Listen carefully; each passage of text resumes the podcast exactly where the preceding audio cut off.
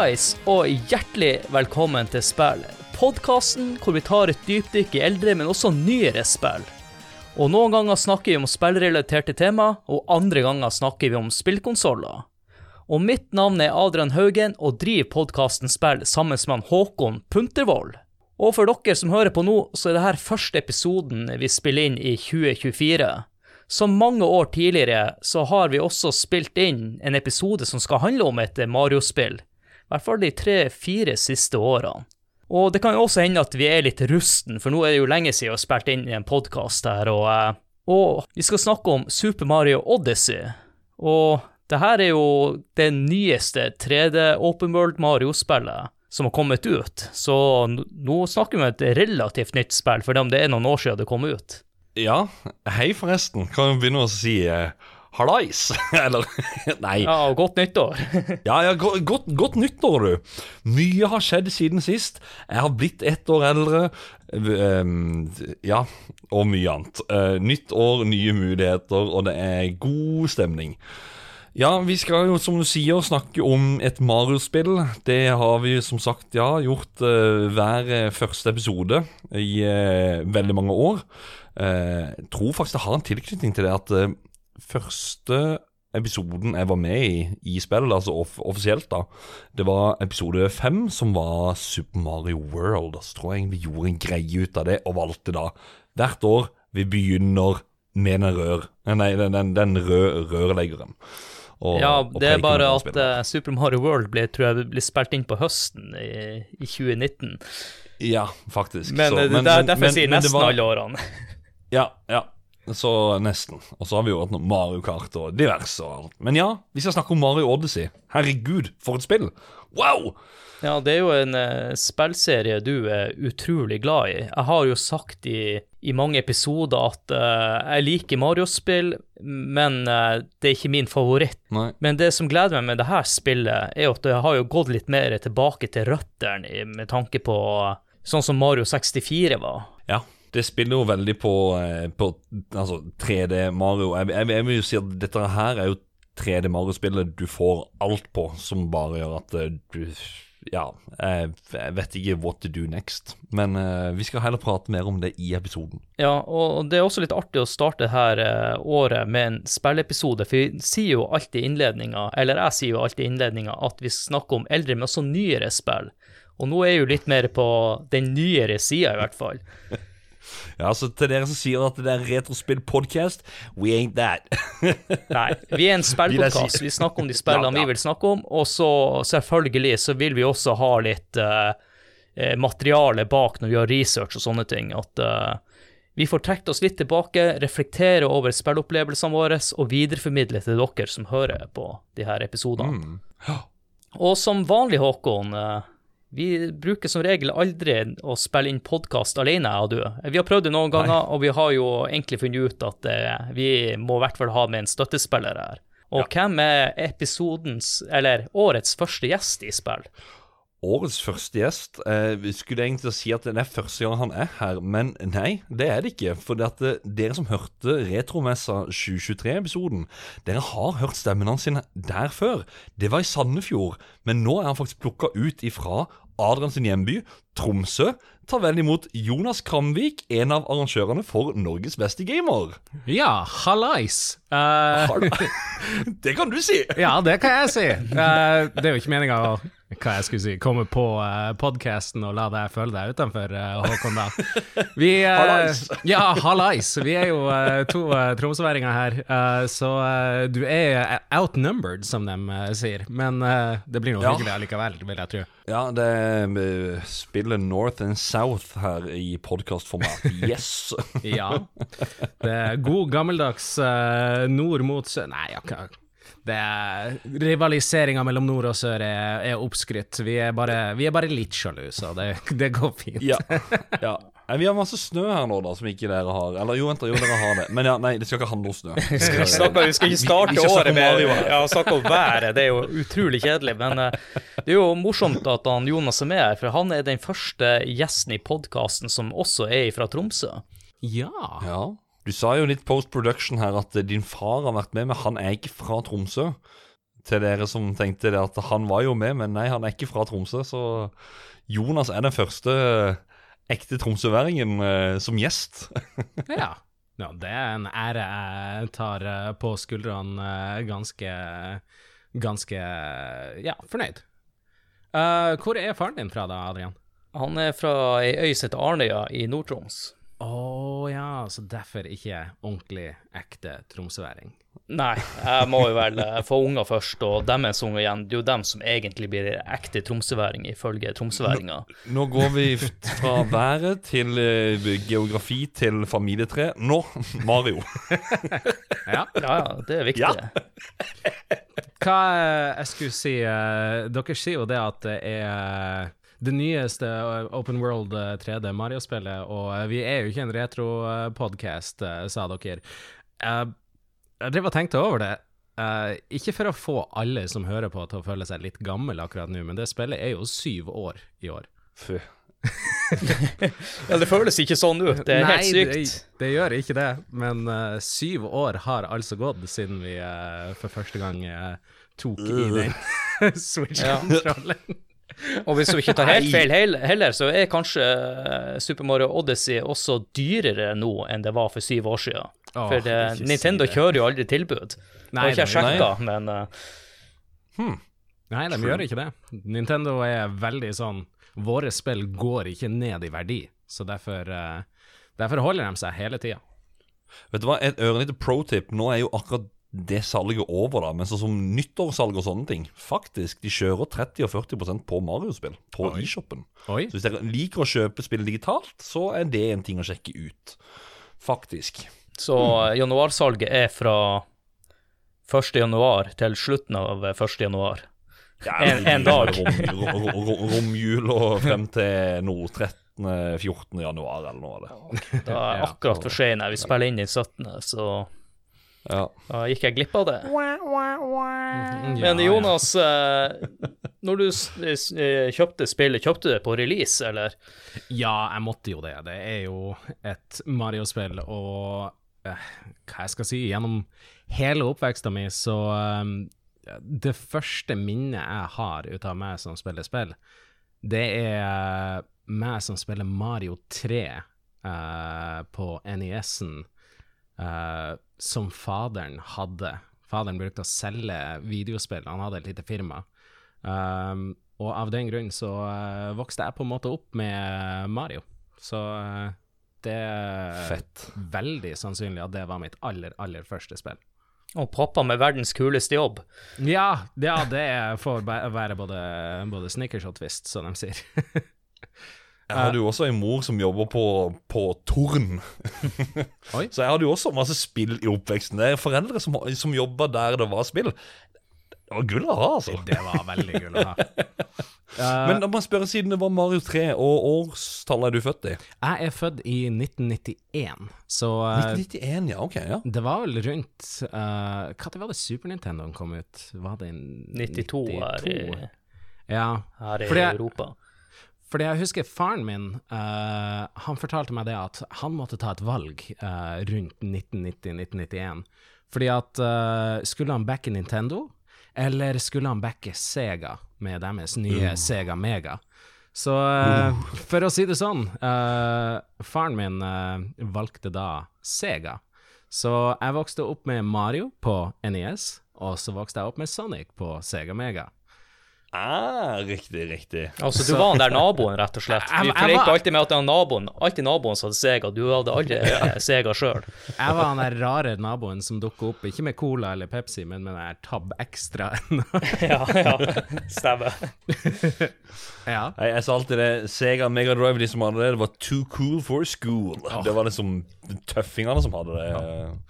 ja. Mortal Kombat og sånt. Ja. Og så prøvde jo Sega å appellere mot et litt uh, eldre publikum også, så det forklarer vel kanskje også faren i sitt valg. Jeg vet ikke hvor gammel han var på den tida, men han Oh, nei, det Hvor gammel kan han ha vært, da? Han må vel ha vært uh, nærmere 35, eh, vil jeg tro. Men fa faren min er kjempeglad i sport, og Sega var jo Ja. maskin Ja. for sport. Yes, Så, det eh, stemmer. Ja. Absolutt. Så det er nok mye det som uh, gjorde at uh, han backa den hesten. Mm.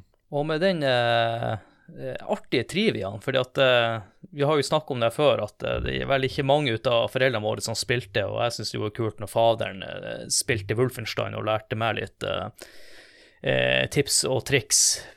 Så tenkte jeg at jeg skulle fortelle dere og lytterne om hvordan det her Super Mario Odyssey ble til. Uh.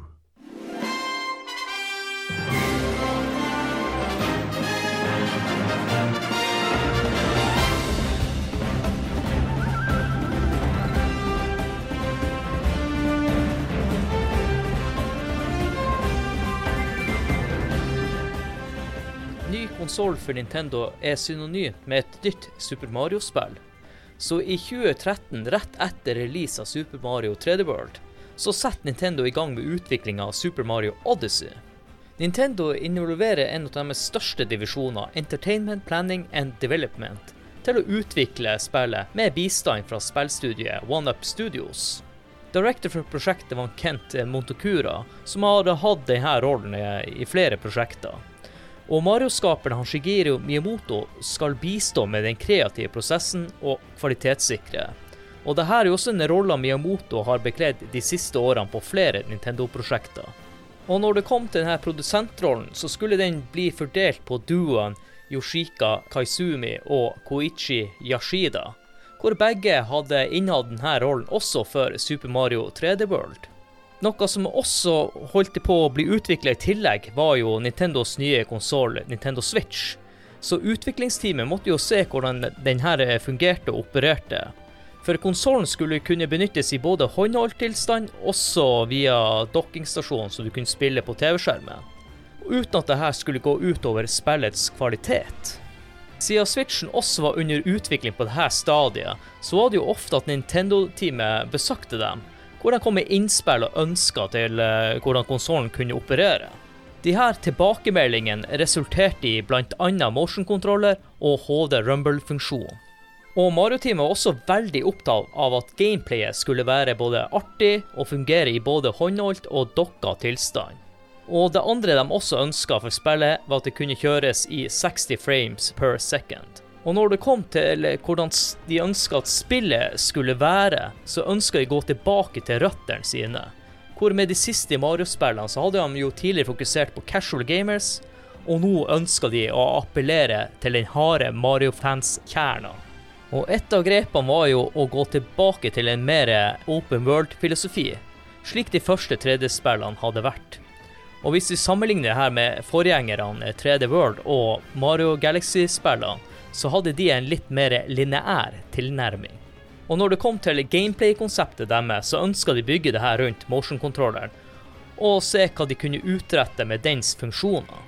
Og herifra så fant de jo raskt ut at denne kastebevegelsen føltes veldig naturlig for denne type kontroller, og dermed begynte ideen deres å spinne for fullt. De konkluderte raskt med at den berømte hatten til Mario ville passe utmerka som et kasteobjekt. Etter hvert som utviklinga pågikk, så følte teamet at det var noe som mangla. De følte rett og slett at Mario trengte en kompanjong. Og siden hatten fikk en såpass sentral rolle, så valgte de å gjøre det her om til en karakter, og den hatten fikk nå navnet Cappy. Et annet hovedmoment var jo hvordan verden de skulle skape og bygge rundt det her. Og temaet de valgte, var at spillet skulle dreie seg rundt overraskelser og reise. Og her brukte utviklerne sine egne erfaringer fra de her to temaene som inspirasjon til å skape en ny verden som spillet skulle befinne seg i. Han Motokura han var jo en stor fan av Super Mario Bros 3, og konseptet med kongedømmer, som var et tema i dette spillet. Han ønska å bygge videre på dette og implementere dette konseptet i Mario Odyssey. Og derifra så begynte de å lage diverse prototyper i form av objekter og plattformer, og i tillegg testa de ut forskjellige funksjoner til hatten, og hva den kunne brukes til. Og ut ifra her testene så diskuterte de hvordan lokasjoner og verdener de her prototypene ville passe inn i. Og når de jobba med level design, så fokuserte teamet på at hvert brett måtte ha flere løsninger på hvordan spillerne kunne runde det her brettet. Og Super Mario Odyssey ble først teasa da Nintendo Switch-traileren ble vist fram i 2016, og så sent som i januar 2017 blir spillet formelt annonsert. Senere samme år, på E3, så får publikum en liten smakebit av spillet i form av en spillbar demo av New Donk City. Og to uker før release så viser Nintendo en CGI av et Broadway-inspirert musikkvideo av låta Jump Up Superstar, hvor en CGI-Mario danser sammen med ekte dansere. Og to uker etter så var dagen endelig kommet for at publikum kunne spille den nyeste utgaven av Mario i form av Super Mario Odyssey den 27. oktober 2017. Og så vil jeg legge til en liten ting her. I fjor fikk vi et siste Super Mario-spill i form av Super Mario Wonder, som sikkert i fremtida vil få en egen episode.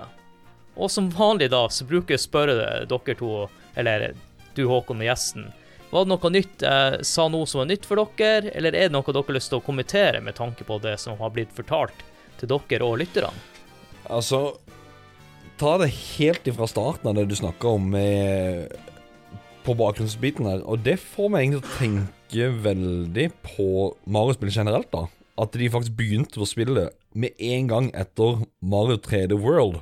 Og med det du sa i stad, eh, Jonas, at uh, at spillet nå er syv år gammel. Det får meg til å føle meg ekstra gammel. Så det uh, fin, fin, start. ja. Men, men uh, jeg syns det er interessant, da. For det får meg til å tenke nå hmm, når er det neste store Mario-spill kommer? For nå har vi egentlig bare fått masse remakes. Vi kan spare den diskusjonen til en annen gang. Veldig interessant diskusjon å ha også, men uh, Ja, ja, ja. Jeg kan jo legge til det at hva det var du sa, Yoshiaki Koizumi hadde vært med på å uh, uh, directe dette spillet. Han er jo den personen som dukker opp i alle de her uh, Nintendo Directsene. Han som uh, står der og annonserer og Å ja, han, han, som er med? Ja, som ja. vi bruker å fleipe med? Å ja, ja. Er det han, Japansk versjon av meg? Ja, jeg tror Jo, jo er det han der Nei, nei, nei. Det er ikke, nei, er ikke det han, der, han som ser litt streng ut? Det? Det, han ser uh, ja, kanskje litt streng ut. Uh, OK, da er det ikke med. Men Nei, uh, for- han bruker ikke briller. Nei, da er det ikke med. Nei, da, da, da er det ikke Adrian. Dessverre. det er han andre som pleier å være med på disse her, her eh, annonseringene. Det er en nydusja Adrian. Håret rett ned, smiler. Oh, Ja, og briller, ja. for det, det, det er ikke alltid jeg går ute med brillene mine, men når jeg sitter og tar opp her, og Ja. sitter, sitter og gamer og sånn, og sitter på jobb, så bruker jeg å ha briller på meg. Ja. Og så han er den japanske versjonen av meg når jeg kommer rett ut av dusjen og tar på meg brillene. Herlig. Oh. Men ja, så han, han, er, han er i spillet, sa du? Nei, det er, uh, han er jo den som har uh, vært en av de hovedpersonene som, som har utvikla det. Men han er også den personen som eh, er fremst i mer eller mindre alle Nintendo Directsene. I hvert fall dem som brukte å være før uh, han Det er vel en ny som har tatt over nå. Ja, det er vel en ny som har tatt over nå. Men han som Ja. unveila Switchen for første gang og, og hele pakka, eh, det er i hvert fall han. Han har vært med i masse spill også. Så, eh, så eh, Han ser jo egentlig relativt ung ut, men han har vært med å lage Ocarina of Time og Majora's Mask og de her eh, eldgamle spillene òg. Ja, det er ikke sånn med alle de asiatene at de ser jo 20 år yngre ut enn de egentlig gjør. Det er liksom som jeg fleiper. Det du tror er, og så plusser du på i hvert fall fem år. Så finner du min, min riktige alder. Ja, men det er altså Det er nesten skummelt. Det jeg, jeg skjønner ikke hvordan de gjør det. De, de, de holder seg jo så sinnssykt godt. Ja, ja du, hvis du har sett videoer fra Japan og sånn, så er det vel ikke mye eh, burger og fritert i Ja, litt fritert, men ikke så mye. Det går jo stort sett i rene produkter, så Du har vel rett der.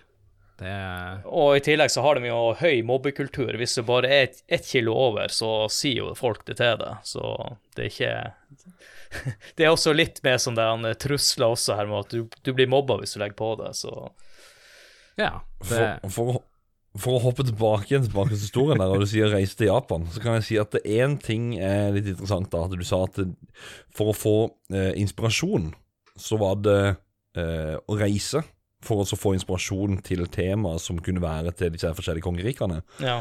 Når du egentlig sa det, så gir det veldig mening når Altså, til de som har spilt spillet, Så det, det er bare å tenke på alle kongerikene. Vi skal sikkert inn på et par av de etterpå, bare sånn for å det, det, det er veldig mye å gå gjennom absolutt alle, men vi kommer til å touche inn på en god del av dem. Og det er veldig mye som åpenbart, ja, er ifra reise. Eh, så når du sa det, så, så eh, gir det faktisk litt mer mening at eh, de verdenene faktisk er der. Ja, og så er det jo kult, synes jeg, det her med at de har De samarbeider så tett med den som lagde eh, konsollen, da. At de, de kom med, med funksjoner som de ønska konsollen skulle inneha når de lagde spillet, og som også Ja. bidro til Switchen sine funksjoner. Ja. Der skal jeg si at det du snakker om motion controls og eh, HD Rumble eh, Jeg tror kanskje ikke alle som er så klar over det hvis du, hvis du spiller med pro-kontrolleren, sånn som jeg spilte. Eh, hvis du har joycons, så kan du kaste den hatten på veldig mange forskjellige måter. Det er sånn, Jeg vet ikke om de er joycon exclusive, på en måte, men motion control at du kan kaste de Altså du kan kaste hatten rett opp, du kan eh, kaste den fremover i en sirkel. Eh, det eneste jeg kan huske siden jeg spilte med pro-kontrolleren, det var å sende den rett frem og tilbake, eller å spinne rundt, sånn at den flyr rundt i en sirkel. da. Det, det, that's it. Men eh, de tok jo i god bruk den der eh, motion controllen som Nintendo gjør best, som regel. Fysj. Ja. Enn du, Jonas? Nei, jeg tenker den motion controllen som er i spillet Du kan jo skru ut av det meste. Uh, og det er jo generelt sett veldig bra, men jeg husker det var én du aldri kunne slå ut av hvis du hadde Hvis du spilte med joycon. Og det var hvis du bevegde kontrolleren, så eh, ville han hoppe, av Mario. Uh, når det var i de her 2D-segmentene som du uh, av og til havner i. Eh, ja. og det, jeg husker Det forvirra meg så, så utrolig mye. Hvorfor hoppa han? Hvorfor hoppa han? Uh, jeg trykker jo ingenting! så, eh, så det var en av dem du faktisk ikke kunne skru ut av. Og det tok meg faktisk litt tid før jeg skjønte at eh, oh, ja, det er fordi at jeg ikke sitter i ro mens jeg mens Du, jeg, vet du hva? Jeg er sikker på en Wow! Det var sånn der Wow! Ifra hodet akkurat nå. Husker dere når dere var barn og spilte disse spillene her, og dere hoppa, og det kom en gomba? Hva gjorde du med kontrolleren da? Du løfta kontrolleren med det hoppet, du dro han til sida, eller du, løfta kontrolleren ja. Det er sikkert derfor det er der, vet du. Det kan- ja. eh, de, de yngre skal liksom være sånn her Åh, du må hoppe, og så løfter du kontrolleren. Oi, nå hopper du. Nei, jeg, jeg, tenkte, jeg tenkte ikke på det. Jeg tenker på når du ser på filmer, sånn her, du ser at spillet ikke er på, og de rører så overdrevent mye på, på kontrollen for å vise at her spiller jeg. Det er det jeg tenker på når jeg ser de bevegelsene. Ja. det som også er interessant der, jeg nevnte jo kanskje ikke at eh, directoren var jo også directoren på uh, 3D World. Sånn at eh, de, de bruker jo nesten de samme hovedpersonene eh, i prosjektet, eller de, de viktigste stillingene, fra det her mm. lineære og, og gå over til mer open world. Eh, så jeg tror de også høster mye erfaring eh, med å bruke de her folka som jobber med de tidlige Mario-spillene, og så tror jeg også det er litt forfriskende for dem å, å tenke noe nytt. og eh, som jeg nevnte innledningsvis her, er jo veldig svak for eh, Mario 64 og, og den opplevelsen. Det jeg ikke nevnte i starten, er at eh, når jeg ser et nytt Mario-spill nå, så er det alltid Mario 64 jeg måler opp imot.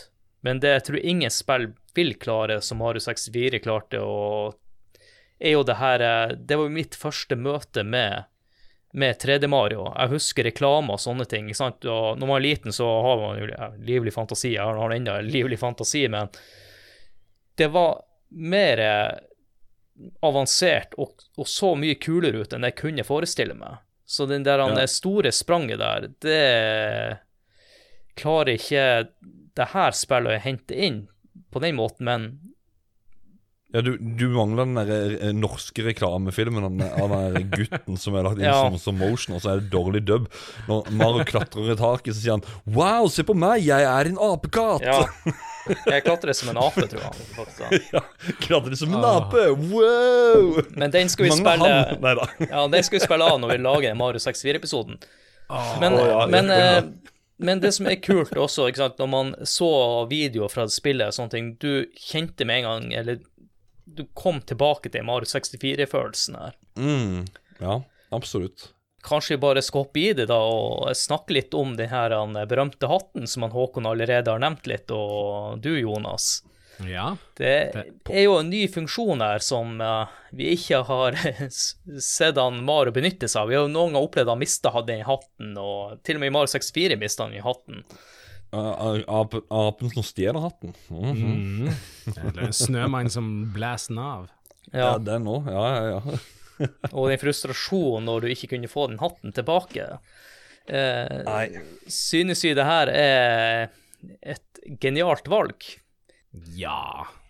Det er jo kreativt, og det er jo det, det, er jo det de er flinke til med Mario. Det er jo de som må introdusere en, en ny mekanikk, og så eh, Og så de, de fullfører det så til de grader. Mm. Det er liksom Det, det her, her det, det, det de gjør med Cappy, det er veldig mye sånn eh, Ja, nå vet jeg at det er delte meninger om hva, hva liksom med Breath of the Wild Nei, Tears of the Kingdom. Det er at du liksom kan bygge og gjøre basically hva du vil.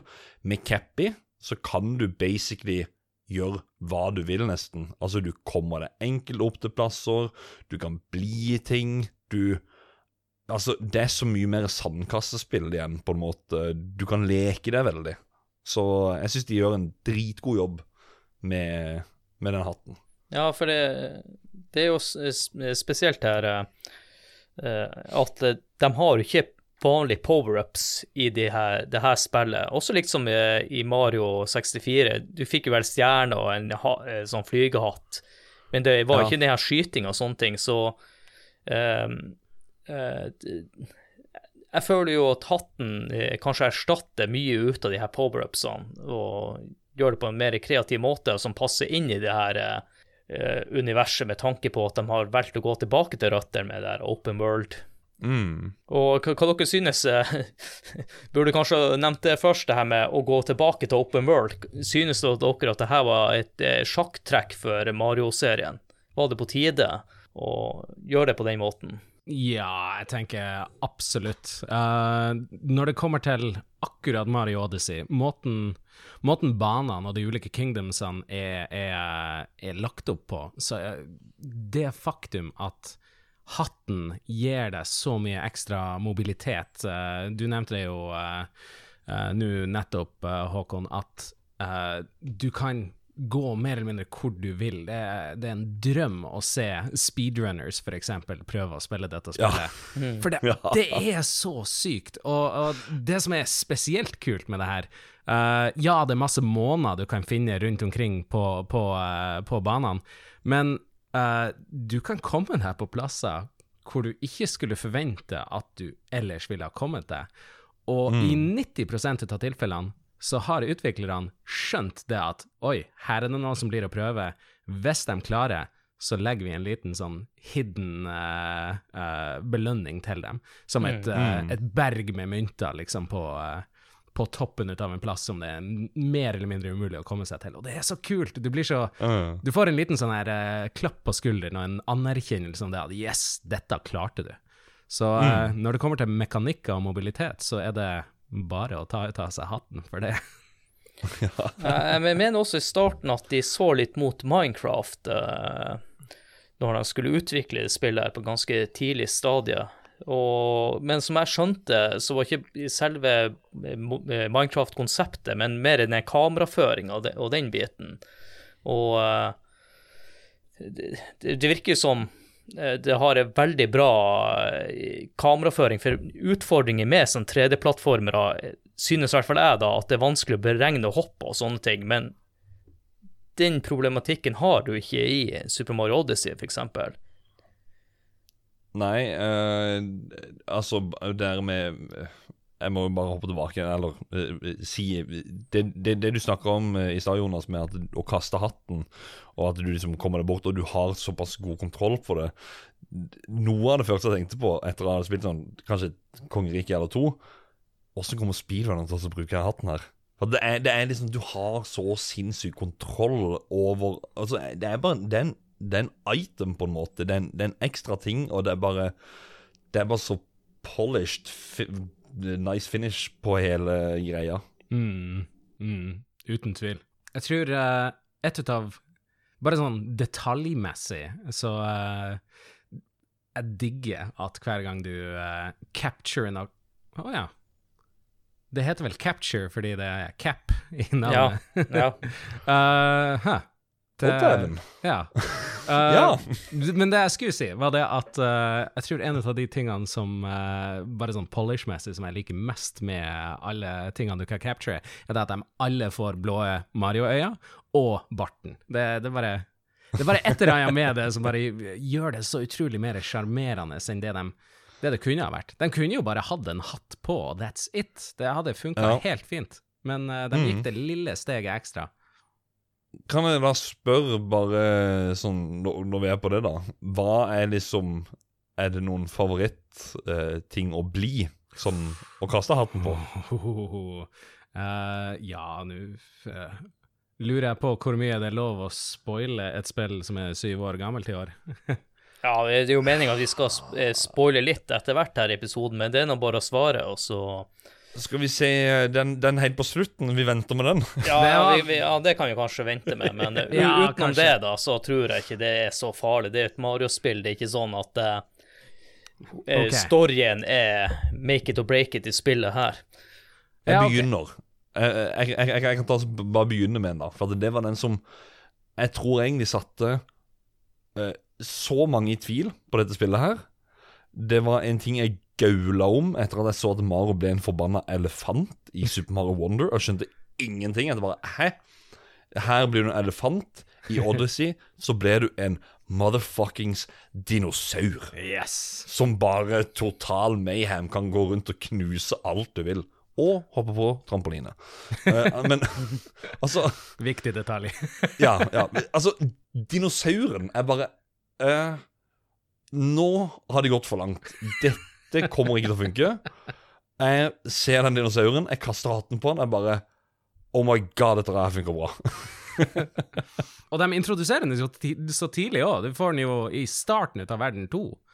Ja. Det, det er jo eh, da, da får du virkelig, virkelig se, liksom uh, Ja, vi er ikke redd for å gjøre litt sånn eh, merkelige greier. Du kan jo bli ei stridsvogn, du kan bli uh, Du kan bli ganske mye forskjellig. Uh, Ja. Og ja, jeg, jeg digger det. Jeg, jeg digger Ja. hvor kreativt det er. Du kan bli elektroner i ei strømledning, liksom. Mm. Så, Kan bli flammekule, som du ser i lavaen helt ifra første Mario-spillet. Ja, det Så hopper stemmer. rundt i lavaen, blant annet. Så, Og ja. min favoritt er jo eh, selvfølgelig Hammer Bros, som plager meg i Super Mario Bros 3. Endelig kan du være han og Men så innser du jo at de har jo en vanskelig jobb med å kaste de her hammerne, for at du, du, de kaster jo i en sånn bue. Sånn at uh, det er ikke bare bare å være en Hammer Bros. Du må, du må beregne de her kastene.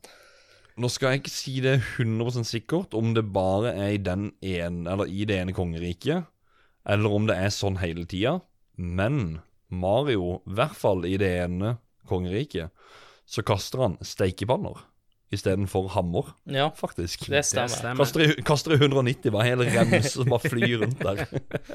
Og jeg er enig i Adrian. Det er veldig, veldig gøy å bli en hammerbro. Mm, jeg er også helt enig. Men, men det er jo det som er genialt med å kunne Du nevnte jo litt av Jonas med tanks og, og, eh, og sånne elektron og litt de tingene. At de har teamet bak har eh, nøye planlagt egentlig alle de her funksjonene. Det, det, det er ikke bare å kaste, kaster noe inn og så bare OK, det har ingenting for seg. Alle de her har noe for seg på en eller annen måte. Mm. Og det syns jeg er utrolig kult. Og, og at du må løse uh, puzzles og litt sånne ting med å være en eller annen karakter for å kunne komme deg fra A til B, da. Mm. Og så er det en sånn ekstremt god lærekurve, og det er der egentlig Nintendo, i hvert fall som med Mario-spill, fascinerer meg generelt. At uh, den kreativiteten er bygd opp til at det er en sånn, det er en sånn stige som bare går i en sånn Det er en sånn fin lærekurve hele veien. Så det Ja, det er dritbra. Det blir så naturlig. Ja, og Breath of the Wild var vel kanskje ikke først om å være, prøve å være kreativ på hvordan du eh, Eller mer Tears Nei, of the Kingdom er vi, vi, vi har sagt ting her nå som egentlig jeg har sagt om Tears of the Kingdom også, og så er jeg bare Jeg elsker å Nei da. Vi skal spare Tears of the Kingdom. Vi kan tease at det kanskje kommer en episode om det i år. Allerede i år, ja. Oh, Tears of the Kingdom er også kvalitetsspill. Ja. Eh, en annen ting jeg også lyst til å trekke frem her. Vi har jo snakka mye om den hatten, og at det er jo en viktig del av selve gameplayet. Men vi må jo ikke glemme at eh, de har jo henta tilbake en god del movesets fra Mario 64, og i tillegg tilføyer enda flere movesets. ja, Jonas setter jo veldig pris på som Sonic-spiller at han endelig kan rulle. Ja. Oh, Ja, ja, ja, ja, ja. 100 Det Bare rett i Green Hill Zone og Det- spinner rundt. Da. Ja, ja. helt konge. Det, det eneste han mangler, er en spindash. Ja. Og nynne på ja, her Sonic-musikken mens sto på der. Og... Oh, ja. ja. ja, det hadde vært litt kult hvis du hadde fått det i det spillet her eh, Sonic-drakten. Hadde jo vært uh... Oh. Og da er du jo egentlig inne på noe som Mario Odyssey uh, Jeg vet ikke om jeg skal si introduserte, men uh, alle de kostymene du kan skaffe deg i Ja. eh, hver verden. Hva, hva dere synes om dem? Ja, altså det Jeg var egentlig sånn Jeg vet ikke hvordan vi skal touche inn på det der, annet enn at bare, si at det, det, er, det er awesome. Det er gøy. Det er kreativt. Um, øh, veldig kreativt. Og så er det litt gøy med at det Jeg er jo veldig glad i spillhistorie. Så sånn som at når du finner den der eh, eh, Det er sånn der Grand Prix Nei, eller eh, mekaniker Mario, eller sånn bilmekaniker som jobber typ på en racingbane. Det er jo drakta han har i F1 Racing på, som kun kom ut på Famicom. Eh, som ikke vi her i Europa har noe forhold til, men, men vi som er veldig nerds og, og kjenner til litt Nintendo Law, vi ser at Ei, vent da, der, der, der er denne luringen der. Den er, den er ikke blitt vist nå på ja, 30 år, minst, og her er han. Det er morsomt du sier det, Håkon, for du har jo den Amerikadrakten, som jeg kaller den før. Du ser ut som en Yeah, America! Det er jo egentlig fra det, han, eh, et sånt golfspill fra Nintendo NES, Ja, Ja. stemmer det. som jeg har på coveret der. Så eh, det er jo, det er jo ikke bare eh, referanse i, i kostymer og sånne ting. Men eh, før vi begynner å touche kanskje litt mer over på å snakke om de her brettene, så tenker jeg at eh, Håkon, at alle Mario-spill har jo en lår. Om den er, er, er tynnere eller er bedre enn andre, det får vi finne ut av. Så eh, sett i gang, Håkon. OK.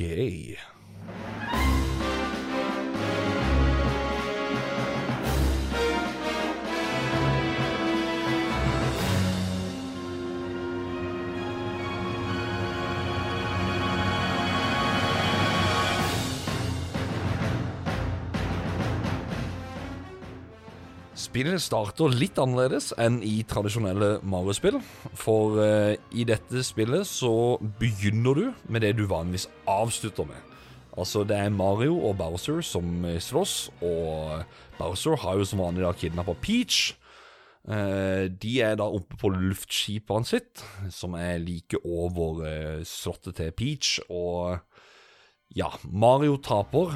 Eh, her eh, tar faktisk Bowser sin hatt og kaster han, og får han i en bumerangform, som gjør at den kommer tilbake igjen og smeller Mario av skipet. Og når Mario da faller av skipet, så mister han hatten, og Bowser både tramper på hatten og kaster han ut av skipet, og den havner inn i en propell bak, som gjør at den deles opp. De flyr videre. Det zoomes ned til Mario, og han har krasjlanda i et kongerike som heter Cap Kingdom. Og der blir han da møtt av eh, tidligere nevnt Cappy, som er da den eh, nye kompanjongen sin. Og eh, han har da funnet en bit av Mario sin hatt, som gjør at han blir om til eh, Eller at han, at han som hatt blir forvandla om til Mario sin vanlige hatt. Eh, og da ja, så sier han også da at eh, ja, kjæresten hans sin er også kidnappa. Så eh, fort så blir de venner, og eh, ja, skal rett og slett redde Peach atter en gang. Og ja, kjæresten til Cappy. Veldig touching story. Jo da, men de fortsetter jo med det her den, dramatiske starten som også var på Mario Galaxy. Ja, stemmer det. Stemmer det. Det hadde jeg faktisk glemt. Ja, for der er jo Bowser på, uh, på han. Og Men da, men da kidnapper han jo faktisk. Da er det ikke midt i fighten. Det Nei. veldig Men det er jo, det er jo Det setter jo litt sånn dramatikk rundt det hele, fordi at eh, som i gode gamle dager så fikk man bare en tekst med at hun Peach var kidnappa, og that's it. Her får vi kanskje Ja. se hvordan det foregår. mm. Uh, ja, det er jo Jeg syns nå introen er jo eh, ganske grei, egentlig, og underholdende. Ja. Det, Ja, han er det. Det er helt vanlig standard Mario i en ny vri. Eh, vær så god, her begynner et nytt eventyr. på jakt etter Beach. Men før eh, vi hopper over på de her eh, kongerikene, så tror jeg vi, vi må jo kanskje snakke litt om hvordan det her eh, spillet er bygd opp, da. Vi har jo nevnt da selvfølgelig at det er mange konger, kongeriker, og de spiller jo også eh, videre på det de gjorde i Galaxy, som var at verdenene var mye større og hadde mye mer innhold, da. Mm. Og i det her spillet så har de jo tatt det ett steg videre i forhold til de gamle 3D Mario-spillene, og det må man jo nesten forvente når det er så lenge siden sist. Og Ja. så vil jeg jo nevne her at eh, de, de to andre spillene hadde vel eh, Det var i hvert fall 120 stjerner i uh, Mario 64, og jeg har jo ikke spilt det her eh, Sunshine, men er det ikke også, Håkon, du som vet, er det 120 der òg? Ja, det er 120 shines. Ja. Og så var de smarte og gikk tilbake igjen til stjerner i Galaxy. Men det har de jo ikke gjort her, Håkon, for de har jo gått over til måner. Og eh, det som er litt spesielt med det spillet her, jeg tenker vi kan jo snakke om det litt senere og diskutere tingene, det er nå i hvert fall at totalt i spillet Du kan ikke få alt på en gang, men, og gjennom første gjennomspilling, men du, totalt så kan du oppnå 836 måneder. Så, Det er så sykt. Ja, og jeg, jeg, vi- skal spare den diskusjonen til etterpå, for at eh, Ja. vi kan jo først ta tak i, eh, i de her kongedømmene, og jeg er litt usikker på hvor mange det er eh, totalt, da. Nei, altså Vi kan jo nevne med navn, tenker jeg. Altså Hvis det er noe vi ønsker å trekke frem, så er det litt sånn Så gjør vi det. Altså Hvis ikke, så bare hopper vi Hopper Ja. vi videre, på en måte. Ja. Skal jeg kanskje bare nevne det her med, med, med Cap Kingdom. Eh, Det er jo litt spesielt at du starter i et kongerike som egentlig består av to farger. Svart Ja. og hvit. Ja. Litt sånn ulikt Mario, som er jo kjent for å være et utrolig fargerikt spill. da. Ja. Eh, jeg husker at jeg har sett på en eller annen review eller noe. Det var en fyr som faktisk nevnte noe som jeg syntes var interessant, eh, og var en sånn liten touch på det. At eh, det er sort-hvitt. Mario har krasjlanda på et sted han ikke vet hvor er. Han har mista Peach. Eh, han har mista hatten sin. Det er bare det livet er sort-hvitt nå. Det er bare Ja. ja. Og så tenker jeg at det er jo kanskje også en mulighet for en referanse til verden 6-3 i Nintendo første Mario-spillet, hvor banen var. Det var sånn her soppverden eller sånn, eh, eller, eller trær eller hva det er for noe på de, Mm. men det var sort-hvitt. ja. Så jeg vet ikke om det er en referanse til det, kanskje, eller Ja. Det, det kan Det kan godt hende. Det høres Ja. nesten sånn ut med tanke på hvor mye referanser de har ellers i spillet. Ja. Ja, absolutt. Det minte meg alltid om uh, Tim Burton sine filmer, den eh, Ja. aller Ja. første. Det, ja, ja, ja. Men uh, jeg, liker, jeg liker også uh, tanken på det at det kan være en referanse til Mario 1. Det gir jo egentlig veldig, veldig mye mer mening, når jeg tenker meg om. Og så er det jo egentlig bare en introduksjonsbane, som liksom på en måte viser hvordan spillet fungerer, og ja. Ja. Basically. Ja, for det er jo ikke alle kongerikene her som eh, som er stor. Noen fungerer jo bare som en bossbane, og en bossbane jeg mener kanskje kunne ha fortjent en større verden, er jo Cloud Kingdom, som jeg tror de kunne ha eh, bygd mye mer rundt, da. Ja. enn at det bare fungerer som en eh, eh, bossverden. Så ja, så, så eh, Jeg mener jo også kanskje generelt at det kanskje burde dropp, droppa noen ut av de her eh, rene bossverdenene, for det, det føles litt rart ut. Det er litt sånn Ja, kunne vel kanskje ha komprimert det bitte grann eh, mer, eller jo, satt det litt mer sammen til at det, du trenger det ikke som et helt kingdom, på en måte. Du, Ja. du kan heller bare slå det sammen til, til ett. Ja. rett og slett. Ja, men eventuelt at han hopper opp til noen skyer, så bosskampen foregått der oppe i et annet kongedømme. Ja, Ja. Jeg ser den. Kan jo nevne uh, den som er nummer to, det som liksom er det ja, såkalt første ordentlige kongeriket, hvor det er sånn her OK, nå begynner å spille, nå er det ferdig med Cap Kingdom, som er liksom uh, tutorial, på en måte.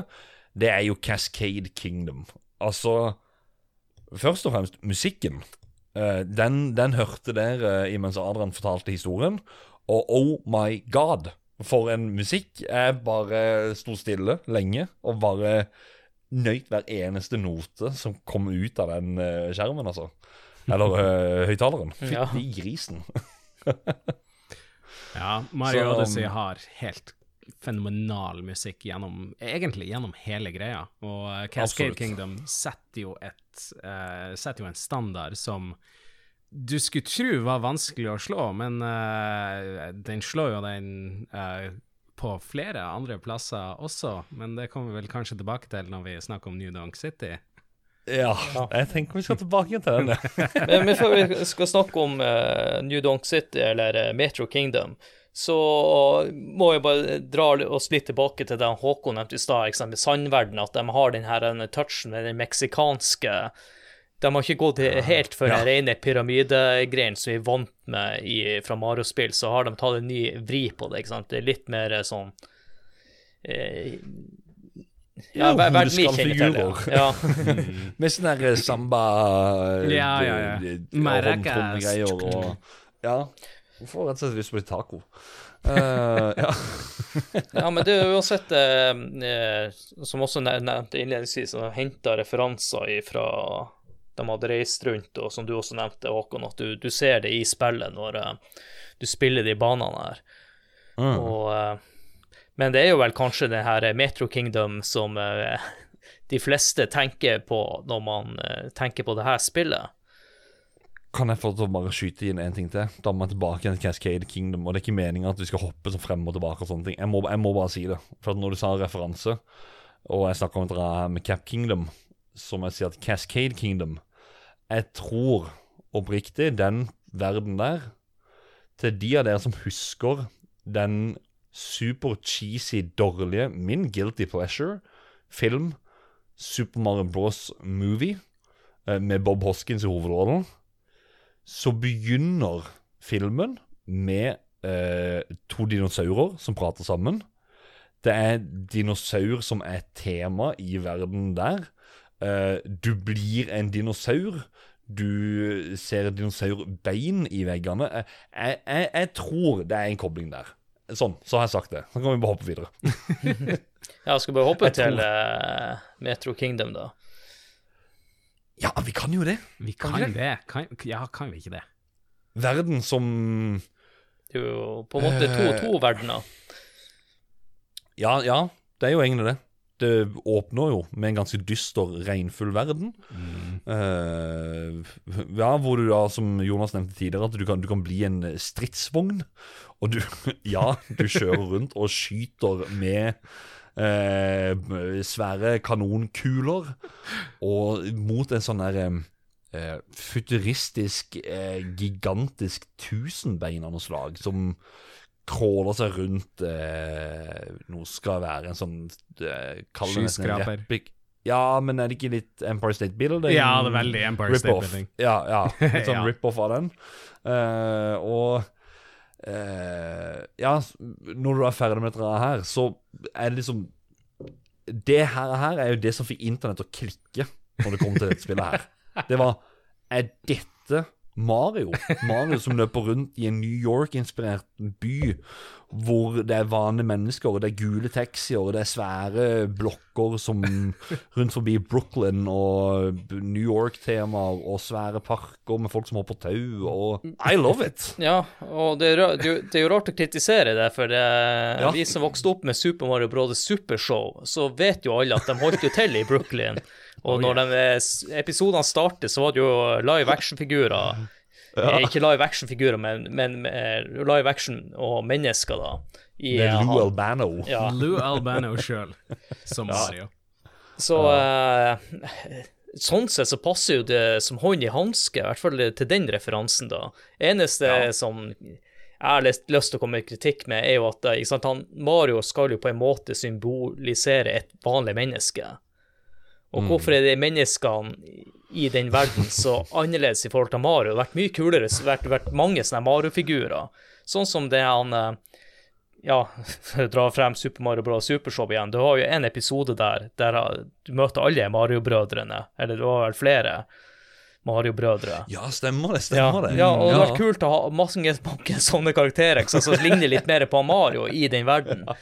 Eh, tror jeg Men Kanskje Hadde- Mario hadde som kledd hadde gjemt seg Ja, men hadde kledd seg bedre, for det er litt sånn rart at uh, hvis det her er den verdenen Mario faktisk tilhører, så er han er jo Hva skal jeg si? Han er jo bøtne... Han er jo ja, kortvokst i forhold til de andre på Og, eh, og hånda er jo som på størrelse magen til andre. Og, Ja. han, han, han, han, er, han, han er svær, liksom. Så det er litt passform er litt annerledes. Så, så der mener jeg i hvert fall at de kanskje kunne ha vært litt mer vågale og skapt vanlige mennesker i den byen, som Mario. Der han er bare Ja. egentlig en vanlig person i forhold til de andre, uten at han da er flink til å klatre i stolper og uh, stupe fremover og kan ta dobbeltjump med hatten. Det blir jo seende litt ut som eh, Sonic i Sonic 06. Det er Ja. liksom noe som bare ikke Ja. helt passer inn. Det er litt sånn uh, to forskjellige stiler som bare er på kollisjonskurs. Ja, stemmer. Stemmer. Sonic eh, på Xbox 360, til dere som ikke vet om altså Sonic 06. Det er Ja. helt grusomt. Det ser, det ser kult ut på noen punkter. Helt grusomt. Men ehm, det er jo faktisk en person, eller en karakter, i, i den byen som gjør en eh, Ja, altså, du, du, har, du har ikke sett henne på, på mange år. Det er jo en såkalt gammel flamme av Mario. For at hun var med Første gang du så Mario, når han var Jumpman, det er Pauline. Hun skulle du redde da i Donkey Kong-arkadespillet. Og hun er jo da borgermester i New Donk City. Som liksom da er byen uh, i Metro, Uh, i Metro Og så har jeg en liten fun fact der at den sangen Jolene med ho Dolly Part handler egentlig om Pauline. Ah. Please don't take my man, for Mario er jo egentlig samme som Dolly Parton. Ah. Men jeg begynte, jeg jeg begynte å tenke på sangen nå når jeg hørte navnet, så det var en liten eh, vri fra meg. Så neste gang du hører den låta, så kan du tenke å bytte det ut med Pauline i stedet for. Ja. Greia er jo med Nå blir det jo litt mye prat om akkurat dette kongeriket her, men det er litt fordi at det, det er gjerne skiller seg veldig ut Ja. og er veldig, veldig bra. Uh, jeg skal si sjøl at jeg brukte sikkert uh, syv timer der eller noe, for jeg var litt sånn Jeg skal 100 til stede Jeg skal 100 til dette stedet før jeg går videre. Det er ikke, det er ikke snakk om noe annet. Um, når du da har gjort noen task med Eskamen der er å gi strøm til hele byen, så er det en festival som går eh, av stabelen. Og eh, som nevnt eh, tidligere av deg, Jonas, så er det en låt vi skal høre. Det er en låt de spiller som heter Jump Up Superstar. Ta oss og Hør på den. It's time to jump up in the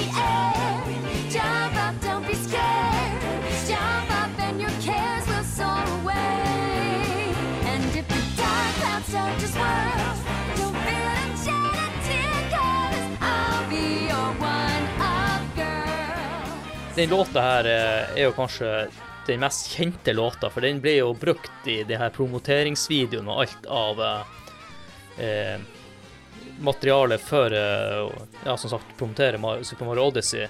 Og eh, sånn når du spiller spillet, så hører du ikke den låta, så du lurer litt på hvor, eh, hvor kommer den her inn igjen.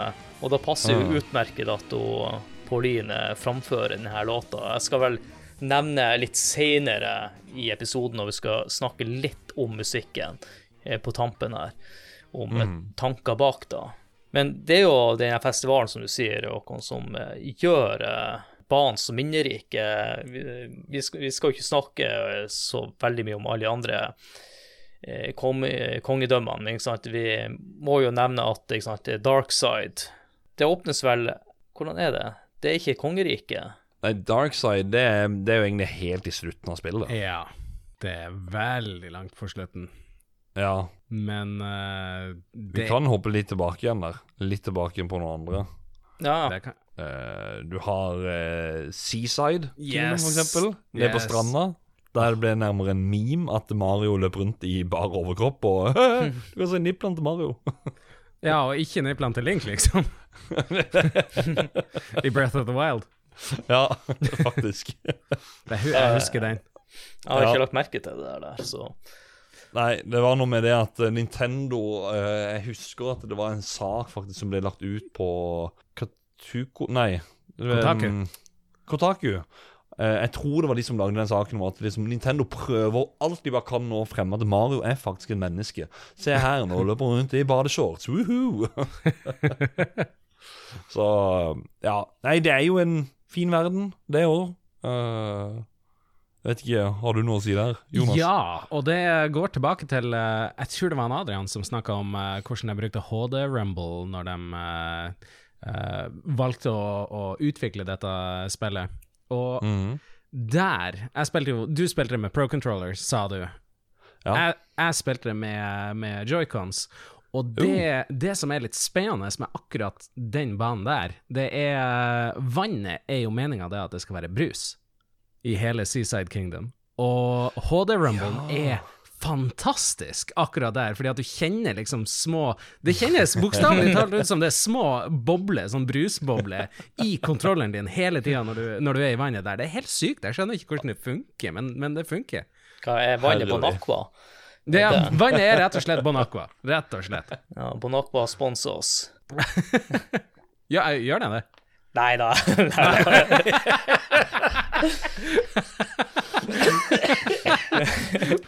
Men det eh, for å si være det da, da hadde vi eh, klart det hvis eh, Coca-Cola hadde sponset oss. Da, Ja, ikke Ja. sant. Men hvis, det, Ja. hvis de hører på, så eh, ja, sponset oss. Gjerne med vanlig cola òg. Ja. Si ikke nei takk til det. Men jeg kommer til å bli, legge på med de 20 kiloene som har tatt av meg de siste to årene. Så jeg vet ikke hvor godt jeg har av det. Så kanskje jeg bør gå over til den her berømte Bon Aquaen. Men uh, det er jo uh, Det er jo litt interessant. Dere eh, nevner jo det at Mario Odyssey handler om reise, derav navnet Odyssey, da. Eh, men eh, hele greia, grunnen til det at du drar til de forskjellige kingdomsene som du gjør, er jo fordi at Bowser prøver jo å sette i gang en, en, eh, eh, et giftermål med Peach. Og alle plassene du drar, så er det et eller annet som hører til det, det, det, det giftermålet som du prøver å få tak i. Enten det er en ring, eller det er blomster, eller i dette tilfellet champagnen som skal Ja. brukes i, i giftermålet. Uh, så uh, det som er litt kult, er det at du får, du får jo et kart over området, og du kan jo se de ulike månedene som er der, eh, som du kan skaffe. Og det er egentlig veldig kult det at alle de her er egentlig sånne her eh, turistbrosjyre. Kartet er på ei turistbrosjyre, og så er det liksom sånn Ja, her kan du gå for å se uh, våre store champagneglass og sånne ting. Stemmer det, ja. Så det er liksom Det med reise er så utrolig eh, godt integrert i hele greia. Det, jeg syns det er råkult. Så eh, ja. Ja, de er jo flinke til det her med at det er mer gjennomtenkt enn, enn det man klarer å tenke sjøl, så, så det er litt artig Ja. når man får den aha-opplevelsen. Aha! Det er Mm. så, sånn det er. Da, da, da tenker jeg Da vil jeg hoppe videre til et annet eh, kongerike. Hopper, hopper vi over to stykker da, men det er jo eh, Det er over til det der lille, bitte lille som heter Ruined Kingdom. Som du egentlig krasjelander bitte grann inn på fordi at uh, Bowser rir på en svær drage, og det er Det er no shit. Det er så Dark Souls som det får blitt, den, eh, det kongeriket der. Det er sånn herre Hæ? Er, er dette her et Mario-spill, eller spiller jeg egentlig på en mod akkurat nå? Og da tenker jeg sånn, da er det kjempegøy med den der turistguiden og bare sier Ja, skal vi se, da på toppen av det, det tårnet der Ja, det som bare er knust i biter. Ja, der kommer en liten drage! Skyt flammer på meg og gi meg strøm, og yes! Det er tourguiden sin. Det, det er faktisk helt vilt. Ja, det, Det er må- utrolig fett. Det må jo vel kanskje også være referanse til eh, Dark Souls. Det var jo også Jeg mener det var rundt denne tida at uh, de her Dark Souls-spillene virkelig slo an. eh. Fordi at eh, det her med Nå snakker jeg meg litt bort med i, i denne Souls-serien, men det tok eh, Det første Demon Souls det floppa jo litt i starten, men jeg tenkte jeg skal fortelle mer om det i en Demon's Demon Souls-episode. Så eh, ja, det er jo litt sånn spesielt eh, Spesiell verden, da, og det er jo Det må jo være referanse til Dark Souls-serien med tanke på den her dragen og som du sier, den her eh, måten det her er bygd opp på, med at det er rasert og litt sånne ting. Ja. Men jeg tror også at det kan være en tilknytning til det folk um, Det var det som egentlig gjorde litt sånn for meg med dette spillet her. Det gjorde meg sur på fans av Mario-spill. For at folk har jo eh, lagd på type sånn Unreal Engine og sånne ting. Så har de lagd fanmade Mario-spill. Og så bare se her, liksom. Det her er Mario eh, i Bowsers Castle i Dark Souls-univers. Og bare folk er bare Wow, herregud, så fet dere er! Hvorfor har ikke Nintendo gjort dette her før nå? Og så gjør de det. Og så er det så veldig mange som gir det hat. For at eh, Hvorfor er dette her, her med? Nei, fordi fansen ber om det. Her gir de litt. Men så er det mange som hater på det. Jeg synes det er fett. Altså, så er det jo en kul boss i tillegg, synes jeg, så Ja, absolutt. det passer jo bra inn der. Og når vi snakker om reise, Håkon eh, jeg, hadde jo, jeg hadde jo planen om vi ikke skal nevne alle de her eh, kongedømmene, men her sitter vi likevel, og så blir episoden Vi har eh, hoppa over lenger ca. seks stykk. Ja. Vi hopper over ca. seks stykk nå, så det Ja. jeg synes egentlig vi er veldig innafor. Ja, eh, vi kan jo bare nevne ikke sant, at det er Bowsers Kingdom som er siste eh, verden i, i, i første The Final Showdown, da, som er jo veldig sånn eh, Japan-inspirert. Ja. Der igjen, det du snakker om med reise. Reise i eh, lokale strøk. Eh, vi tar en hommage til hvor vi bor. Og det er japanske templer. Men jeg skjønner ikke connection med at eh, Bowser sitt kingdom er i svære japansk tempel.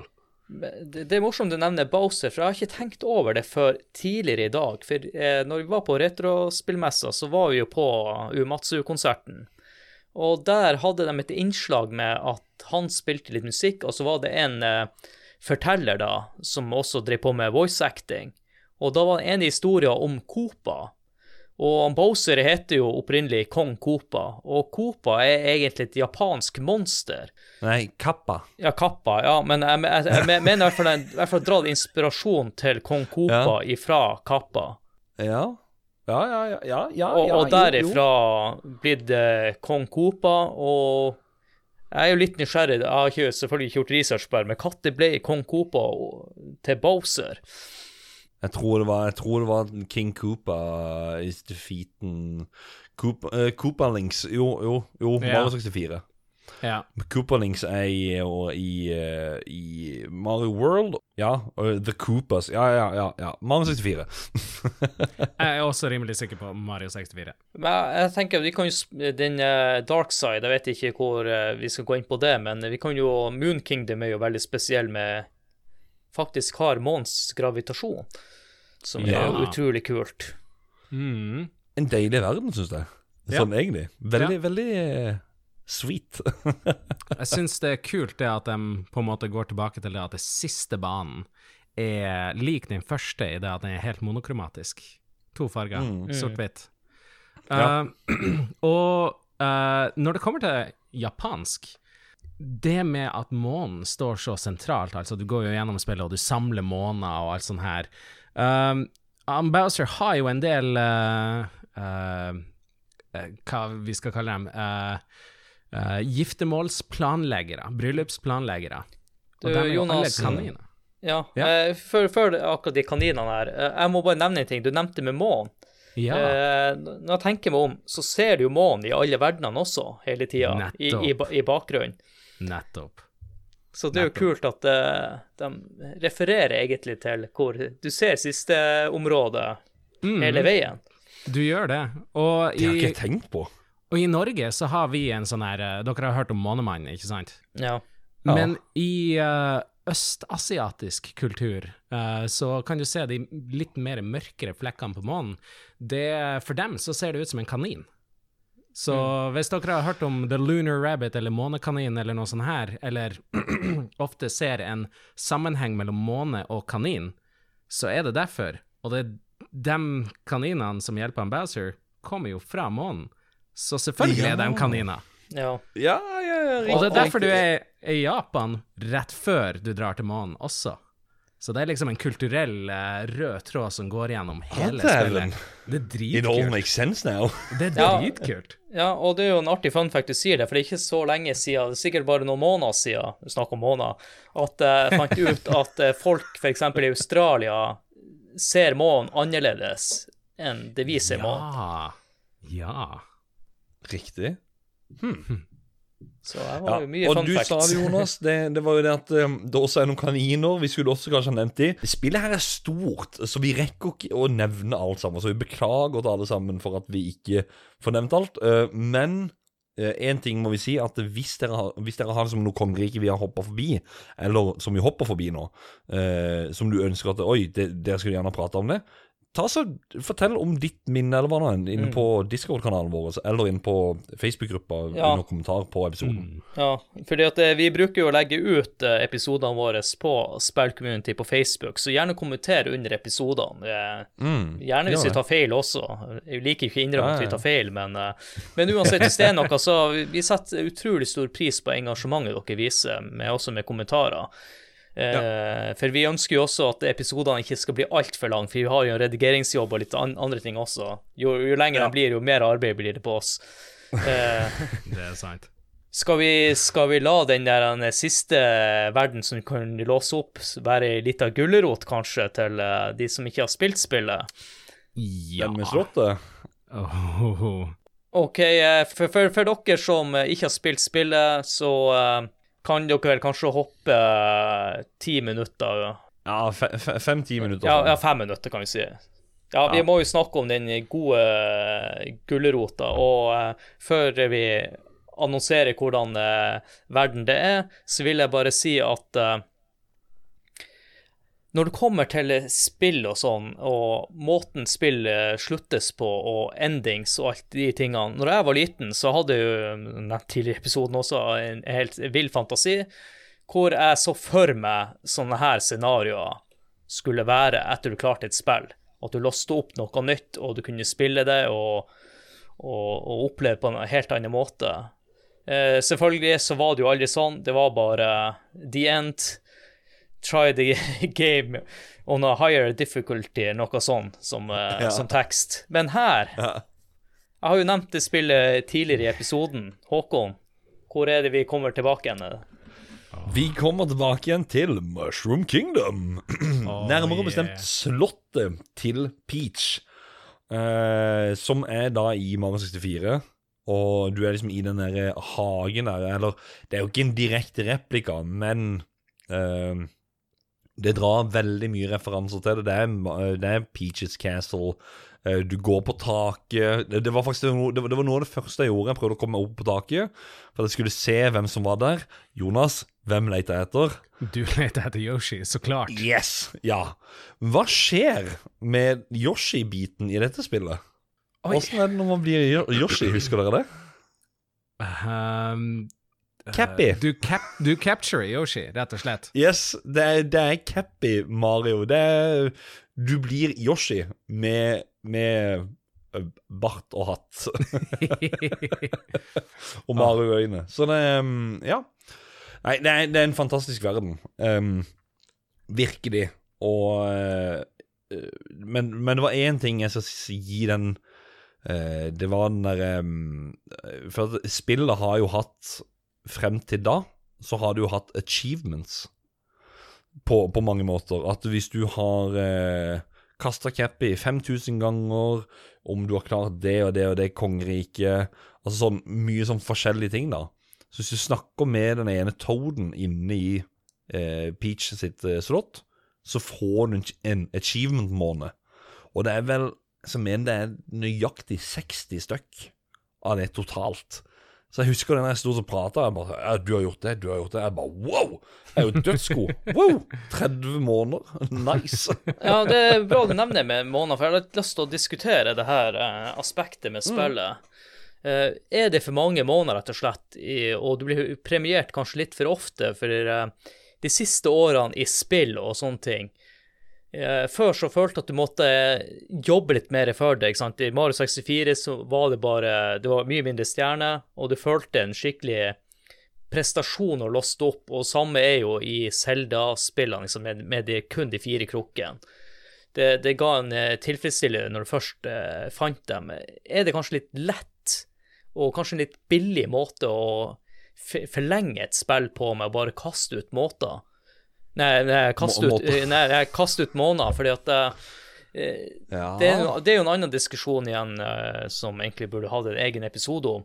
Jeg har jo nevnt det før at eh, de siste årene så har kanskje spill som ikke har vært så lang, gitt meg en bedre spillopplevelse enn de her spillene som melker eh, spilletid, fordi at eh, jeg vet ikke om det er vi gamere eller vi spillere er, litt liksom betent forhold til ordet gamer. Jeg syns det er litt betent. Men eh, må, når vi skal kjøpe et spill til 700 kroner, må det vare over 40 timer? Jeg tenker på en konsert som varer kanskje fra 1 til 2 timer. Det betaler vi gladelig 750 kroner for hvis det er favorittbandet vårt eller noe sånt. Og, og, og med det samme så krever vi 40 timer for minimum. Er det ikke bedre Ja, da altså- å få en spillopplevelse som er varer kortere, men du, du uh, føler at du Ja. Jo, ja, ja, jeg er- litt enig, men, men det er liksom litt mer om hvordan spillet her bygges opp også, basert på de månedene. Fordi at uh, du skal jo faktisk besøke verdenene på nytt. Det er jo New Game Plus, på en måte. Jo, jo. Så, så det, det gir deg som spiller noe ekstra. Uh, ja, jeg syns de er Achievement-månedene var Jeg, jeg, syns de er unødvendige. Eh, at du, liksom skal, du, du skal gjøre noen actions for å bli rewarda i Peach sitt slott. Det er sånn OK. eh, heller la meg finne denne måneden. Men eh, noe jeg syns at det skaper, da, det er jo gøye debatter. For jeg husker når spillet kom ut, så sa han ene «Hei, 'Sjekk hvor mange måneder jeg har fått', da. 'Du har gått og så kjøpt måneder, du jukser'. For det kunne du her. Du kunne Ja. kjøpe måneder. Så det, det skaper jo litt gøy debatt. Jo, jo, det, det, det er jo den debatten jeg ønsker nå. For at, er det Ja. riktig at man skal kunne kjøpe måneder i den forstand? Ja, de, nei, det syns jeg er tull. Det å kjøpe måneder, det syns jeg bare var tull. Du nikker og Ja. beveger deg mye. Ja, jeg tenker um, Et av favorittspillene mine er Portal, og det var i bokstavelig talt to timer. Ja, jeg, Så- jeg, jeg tenkte jeg skulle nevne det i, også, fordi at eh, jeg nevnte jo i Game of the Year-episoden at det var kanskje min beste spillopplevelse i fjor. Jeg, tror- jeg tror jeg brukte tre timer og streama det. Og du, Ja. du følte det var på en reise, men eh, det det er jo som vi snakker jo nå om de månedene. Blir det for mange måneder? Er det Ikke sant, for eh, nå spilte Mario 64, ja, husker den stjerna. Men når det Ja. blir så mange, så, så klarer du ikke å sette de her eh, høydepunktene dine. og Nei, jeg kan si jeg er faktisk uh, Jeg husker kun et par måneder som spesifikt skiller seg ut. Det er ganske mange ut av dem, Uh, og det gjør jo det at ehm, hvis du bare følger storyen i spillet, så må du kanskje gjennom en ganske lang plattformingssekvens, og så får du en måned på slutten. Men på den turen så kan du ha plukka opp fire-fem måneder i omtrent samme område. I de tilfellene så hender det jo det at uh, du på en måte de månedene føles litt mindre verdt ut. Det er jo mange måneder i spillet som bare er å, her skinner det litt på bakken, så her må du ground pound det, og så sprette ut en måned. Så det er vel kanskje trippelmåneder man husker best, for at det har kanskje litt høyere Ja. verdi. Ja, Jeg ville si det multimoon, som de heter. Sånn, ja. Ja. Ja, det, er sånn, det, er sånn, ser ut som, det ser ut som en bananklyse, rett og slett. eh, Ja, det gjør det. bare, bare med måneder. Det er jo- Uh, ja. Ja, eh, eh, men, men det er vel egentlig det som er det negative med det. At, at de, de månedene du faktisk plukker opp på veien, de er litt sånn derre Meh. Jeg fikk en Og i hvert fall de du sier med at du ground pounder Mm. på det hullet som skinner opp. At eh, å ja, nå fikk jeg et hjerte. Nei, nå fikk jeg fem mynter. Eh, eller eh, ja, en eller annen item som Eller en eller annen ting som kommer opp. Men så Mm. plutselig kommer det en måne. Å ja. Hva skulle du si med at der lå det en måne, liksom? Så det er litt mye tilfeldigheter og, og sånt, så Mm. ja. Men- Men positivt til de som er samlere i spill og syns at å ha en skikkelig lengde på spillene. For det er ikke det at du ikke må halve månedene, men jeg vil jo si at spillet kunne absolutt holdt seg til 400 måneder. Trenger ikke opp på 800. Kunne heller ikke bare er er- erstatta det med de her eh, purple coinsene som du bruker for å kjøpe de draktene, og så heller løst det på en annen måte, eller, eh, Ja. eller utfordringa kunne jo også gjort Det var jo utfordrende å finne alle 120 månedene i Mario 64. Absolutt. Eh, Ja. Men en, en positiv ting her, med tanke på over 800 måneder det er En ting som er veldig bra i forhold til Mario 64, er du blir ikke kasta ut av verden igjen. Tenk å bli kasta ut av verden igjen hver gang du henter en sånn Ah. måned. Det er veldig positivt, ja. Stemmer. Det er, har- og, Åh. og 800 og et eller annet ut av Nei, vet du hva. Der har de jo tatt noe fra Banjo Kazooie-stilen ut av eh, Jeg vet ikke om jeg skal kalle det collectathon, eh, som bare Det gjør det mye mer sammenhengende. Stemmer Og en- det der, altså. Og en annen veldig positiv ting jeg kom til å tenke på, er jo det at um, det er jo ikke sånn at du trenger å samle alle månedene i et område for å komme deg videre. Så for dem som mer bare har lyst til å eh, komme seg gjennom spillet og bare oppleve, see the sights og bare kose seg, så trenger du på en måte ikke å gjøre um, Du har litt mer valgfrihet med hva det er slags måned du tar. Men jeg skulle jo kanskje ønske det at hver individuelle måned uh, var litt lettere å huske, litt mer minneverdig. Ja. Ja. Så um, det er jo en liten sånn give and take der uh, på hvor, holdt på å si, uh, hva man skal prioritere når man lager Ja. et spill som det her. Jeg skal si at det, som for min del med Jeg har jo sagt at eh, jeg var veldig glad i Metro Kingdom, altså New Donk City, og at jeg var der lenge, og jeg skulle ikke gå videre før jeg hadde 100 av den plassen. Det det gjorde da, var at jeg hadde samla så mye måneder der at eh, eh, du må jo ha flere måneder for å komme videre til andre verdener. Og da kjente jeg at oi, jeg trengte ikke å samle like mye på de andre igjen. Noe som egentlig gjorde det litt, litt negativt, men også litt positivt. For jeg skal, jeg skal ikke si at alle kongerikene her er perfekte på noe vis. Så det er egentlig litt deilig måte å kunne Ok, fullføre alt på ett kongerike som du digger, og så kan du på en måte hoppe litt over eh, vannverdener og sånne ting, og snøverdener. og Eh, og så eh, Ja, så Ja. Det er 50-50 på hele denne biten her, egentlig. Men en annen bit vi ikke har diskutert, eh, som eh, vi er nødt til å få med før, denne episoden her er over. Hvis ikke så hadde jo kommentarfeltet vårt vært tapetsert med kommentarer. Vi har jo nevnt at eh, spillet er jo en 3D eh, open world i Mario-forstand, da. Men vi har jo Vi, vi har vel kanskje nevnt det bitte litt, de her eh, plattformsekvensene og det 2D-Mario, som jeg synes de også klarer å kombinere på en bra måte, så du får litt variasjon i gameplayet som av og til er en lettelse. Det er Av og til så er bare godt å ha noe som bryter opp, som kanskje gjør det her spillet eh, genialt på den måten, da.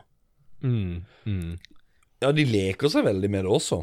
Fordi at det er jo sånn der eh, eh, Den der 2D-Marioen Altså, du, du får jo homasjen eh, 8-bit eh, sprites og alt det her. Sånn som gode, gamle Mario, altså det, det aller første. Eh, men det er noen plasser hvor det går i en sirkel, og da går spillet i en sirkel. Altså, det, det, det gjorde jo aldri originalen, men det funker fortsatt på så sinnssykt bra måte. Og eh, jeg vet ikke om uh, Det er ganske mye av det. Sånn at uh, uh, Kan du si kanskje halve Mario 1 i størrelse er i dette spillet, bare delt opp på en måte, og rundt forbi forskjellige verdener. For det er ganske mye av den 2D-biten, og det, det er som du sier, det er deilig. Pust i bakken. Eh, nå er det litt vekk fra 3D, over til 2D, gamle, tradisjonelle. Jeg koser meg. Selv om det er vanskelig også av og til. Ja, det er vanskelig, for det, det, det vil jeg også ta opp der at eh, noen mener kanskje at spillet er altfor lett. Mm. Ja, det her var vel egentlig det første Mario-spillet som eh, ble kvitt ekstraliv. Fordi hvis du dør i det spillet, så tror jeg du mister ti mynter. Ja, stemmer det. For at du har en svær moneybag. Eh, Ja. Stemmer, stemmer. Men jo, nei, når du sa at det var litt lettere Ja, men jeg husker aldri at 2D-biten var mm, like lett på alle plasser. Men, men eh, ja, husken kan så feil. Eller Men, men jeg, jeg, jeg skal slå et slag for Mario-folkene her, at noen mener å, det her er for lett. Nå må man huske på at det er små barn også som skal spille spillet her. Men eh, kanskje jeg kunne skrudd inn eh, eller satt på en eller annen vanskelighetsgrad-greie for noen. Så en, fyr i nesten 40 klager å, det er noe for lett det her. Uh, spilt Super Mario Bros 2 uh, Hidden Worlds, hva er det for noe, den japanske ja, ja. The Lost Worlds, ja. Ja, Lost Worlds, ja, ikke sant. Oi, oi, Eh, oi. Ja. Og det her er dritlett. Jeg tror ikke Mario-gjengen prøver akkurat å appellere til deg. Men eh, du, som du nevnte, Jonas, at speedrunnere liker jo spillet her, for at du kan løse verdenene på forskjellige måter. og eh, ja. det, Hvis du syns det er for lett, så prøv å runde de her eh, banene på en annen måte enn den Mm. Det vanlige mm, veien du ville ha gått. Det er jo også tradisjonelt eh, i eh, de fleste 3D Mario-spill. Eh, vi skal ikke si noe om banen eller hvordan man nå enn, men det er jo alltid en aller, aller, aller, aller siste bane, som er en svær bane som tar typ 15-20 minutter å gå gjennom, og har dritvanskelig plattform og har en læringskurve fra absolutt alt du har lært i spillet, fra start til slutt, som bare er en sånn svær compilation som bare denne banen skal drepe deg. og der er det sånn du har spilt i Du har spilt i ti minutter, du dør, helt tilbake til scratch. Det er, det er, det er punish som pokker. Så det Ja, du får noe straff, i hvert fall. Jo, jo, men, men, men ja. jeg, jeg mener jo at en sånn, sånn bør være en siste bane. En bra laga siste Absolutt, bør absolutt. være litt sånn. Og den er bra, men vi skal ikke gå i dybden på den. Nei. Jeg kan vel summere den opp som En- Get Good Mario Ja. Edition. ja. Er det noe mer jeg vil lyst til å ta opp eh, før eh, jeg tenkte jeg skulle bare nevne litt om musikken? Nei, kjør på med musikken. Ja, kjør på med musikken. Ja, det er tre komponister som har bidratt musikken til spillet her. Det er Naoto Kubo, Shio Fuji og selveste Koji Kondo, som også be bekledde en sånn slags sound director-rolle. Og når Nintendo hadde bestemt seg for å gi Pauline eh, en rolle i det spillet, så måtte de gi henne litt mer personlighet. Så de ga henne interessen da for jazzmusikk. Og faktisk så ble låta Jump Up Superstar utgitt på iTunes uka før spillet ble sluppet ut. Og låta eh, Jump Up Superstar er en ut av to låter i spillet som har tekst. Og den andre låta heter Break Free. Den husker jeg ikke. Den var ikke noe minneverdig. Ah, ja. Break free? Ja, det jeg kan ikke huske. Jeg får vel søke den opp, eller kanskje han dukker opp i episoden her på slutten her. Eh, Jeg mener kanskje det er avslutningslåt eller noe sånt. Men uansett eh, ja, ja, ja, ja, ja, ja, ja. Det er jo Ja, jeg vet hvor den er. Ja. Men uansett, eh, den 21. desember 2017 så ble or originalsoundtracket sluppet ut. Og Håkon, har du kjøpt det? Eh, nei, jeg har ikke det, men jeg, jeg vet at det finnes sånne sånne eh, Sånne fan-made uh, vinylpressa opp greier. Jeg har veldig lyst på den vinylen, men eh, Ja, nei. Det er, jeg har det ikke. Nei, Men for jeg har veldig lyst på eh, den, den, den plata har i hvert fall både engelsk og en japansk versjon av låta Jump Up Superstars, samt en instrumentallåtversjon av den låta. Så da er det også mulighet til å synge karaoke. Det kan du på Syng i Oslo, Adrian. Det Ja, men jeg først må eh, ha, ha i noen øl. Det er en gif av meg som figurerer, eh, i hvert fall på discorden vår av og til, hvor eh, klokk, jeg og Håkon tror klokka var tolv på natta, men klokka var tydeligvis nærmere to når det her skjedde, der jeg sang Ramstein med Du hast og levde meg litt for mye inn i han i den her eh, tillit eh, Lindemann-rollen. Ja. Trommeslageren, det. Wow. Ja. Men um, Ja, du var ikke trommeslager til den musikken her, eller eh, Eller Ja, musikken i spillet dritbra. Det er, det er liksom ikke uh, Det har vel aldri Ja. vært dårlig musikk i et Mario-spill. Nei, Jeg er ikke så veldig fan av Mario Sunshine. Nå tramper jeg på noen føtter, men uh, det er bare honest opinion. Det er jo det, kanskje det mest kontroversielle Mario-spillet som er der ute. Det noen elsker det, og andre hater det. Ja. Så. Ja. Men uh, jeg tenkte vi kanskje skulle sette en strek over selve episoden, for vi har jo fortsatt at vi skal rate spillet, og vi har jo også en lyttespalte på tampen her. Yep.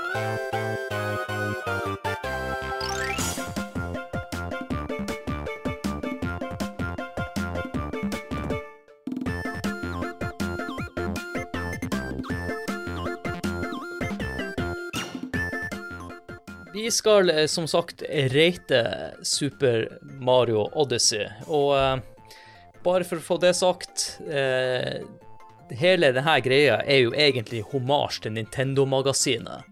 Og så vet jo kanskje noen av dere lyttere som eh, tenker at det her er vår ultimate måte å rate et spill på. Det er det ikke, men det er jo en homasj til hvordan de gjorde det tidlig på 90-tallet. Hvor fortsatt eh, spill ikke var helt etablert, fordi om det hadde eksistert i mange år, så virker jo som at de her eh, spilljournalistene ikke visste helt hvordan de skulle rate et spill. Men eh, Nintendo-magasinet sine kriterier og karakterskala for, for, og, for å bedømme et spill da, gikk etter de her fem punktene. Grafikk, lyd, spillkontroll, underholdning og holdbarhet, og skalaen er fra én til ti. Håkon, grafikk. Altså, Det er jo egentlig noe jeg har lyst til å ha tatt opp på tidligere kongeriker. Jeg skal ikke gå veldig dumt på det, men de ser vanvittig bra ut. Eh, Ti av ti.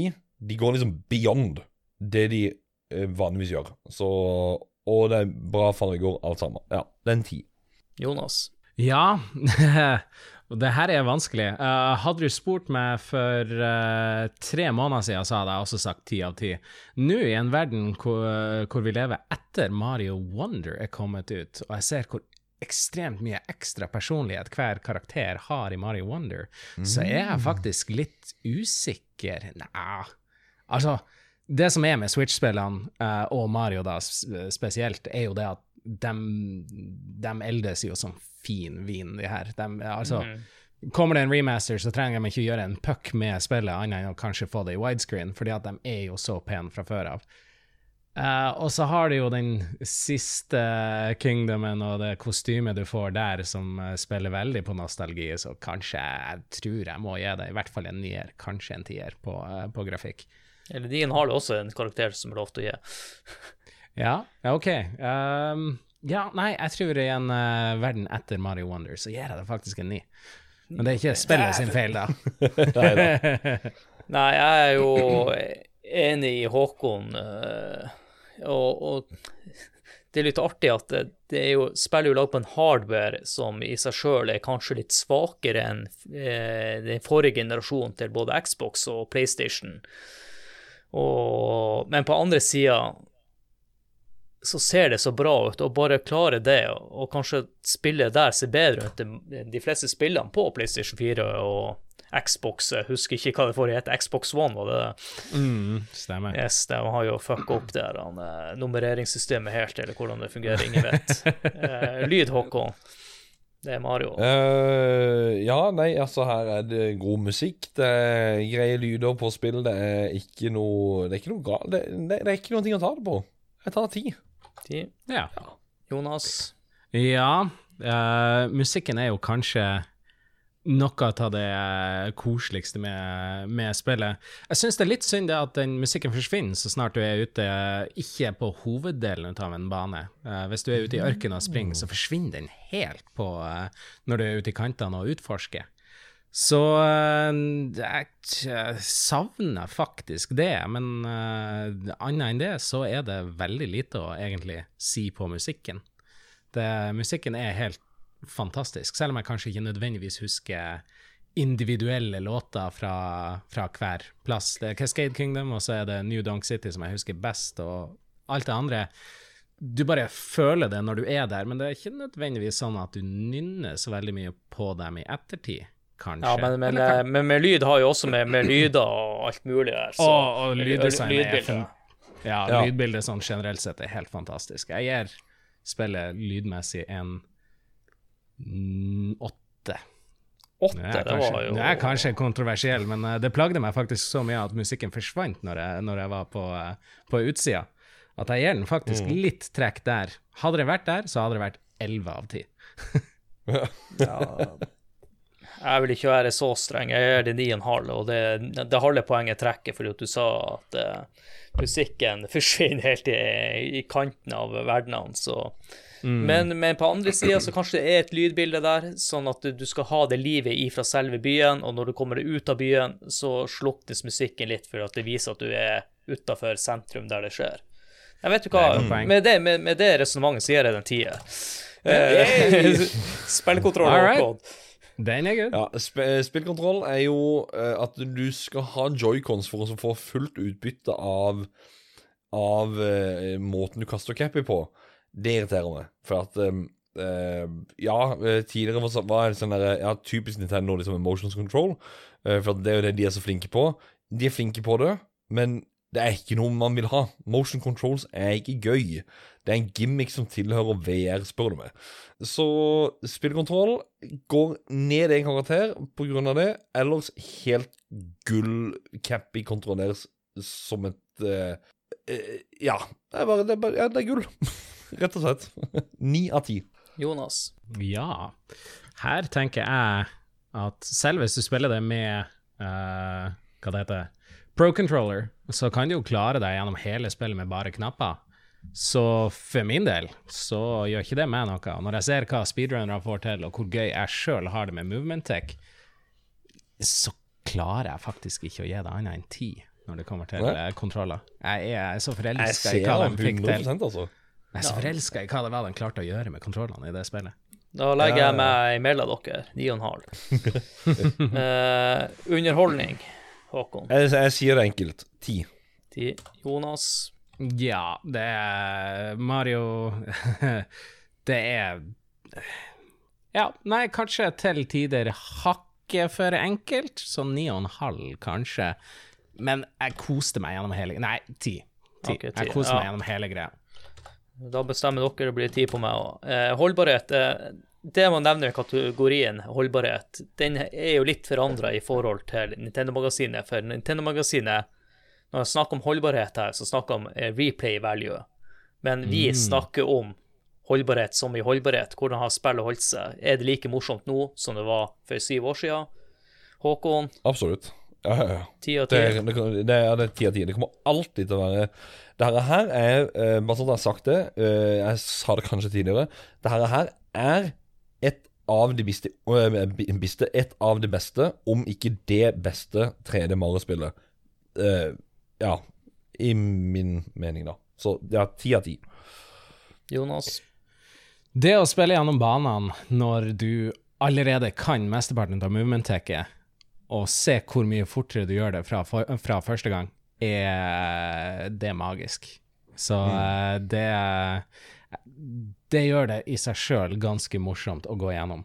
Jeg tror uh, Hvis jeg skulle ha spilt gjennom det på nytt, så tror jeg nok ikke jeg hadde gått for å ta alle månedene, sånn som jeg gjorde en gang i tida. Nei, nei. Så, så uh, Men uh, det holder seg jo absolutt. Det, det er Det er jo kremen ut av kremen når det kommer til eh, 3D Mario. Så ti. Mm, ja, Eh, siden Nintendo fortsatt selger det her på full pris, så velger jeg å stole på Nintendo, og det vil si at det er like bra nå som det var når det først kom ut. Så tid. Og, og, og eh, med det så har vi den her berømte lyttespalten vår, Håkon, og jeg har eh, vel glemt å legge den ut på, på eh, Discord-kanalen, men eh, den personen som kun er på Discord, eh, som vi vet om, han har garantert ikke spilt det spillet her, for han spiller ikke så nye spill, så da hopper vi over til eh, eh, Facebook Nei, Spill Community, som er vår Facebook-gruppe.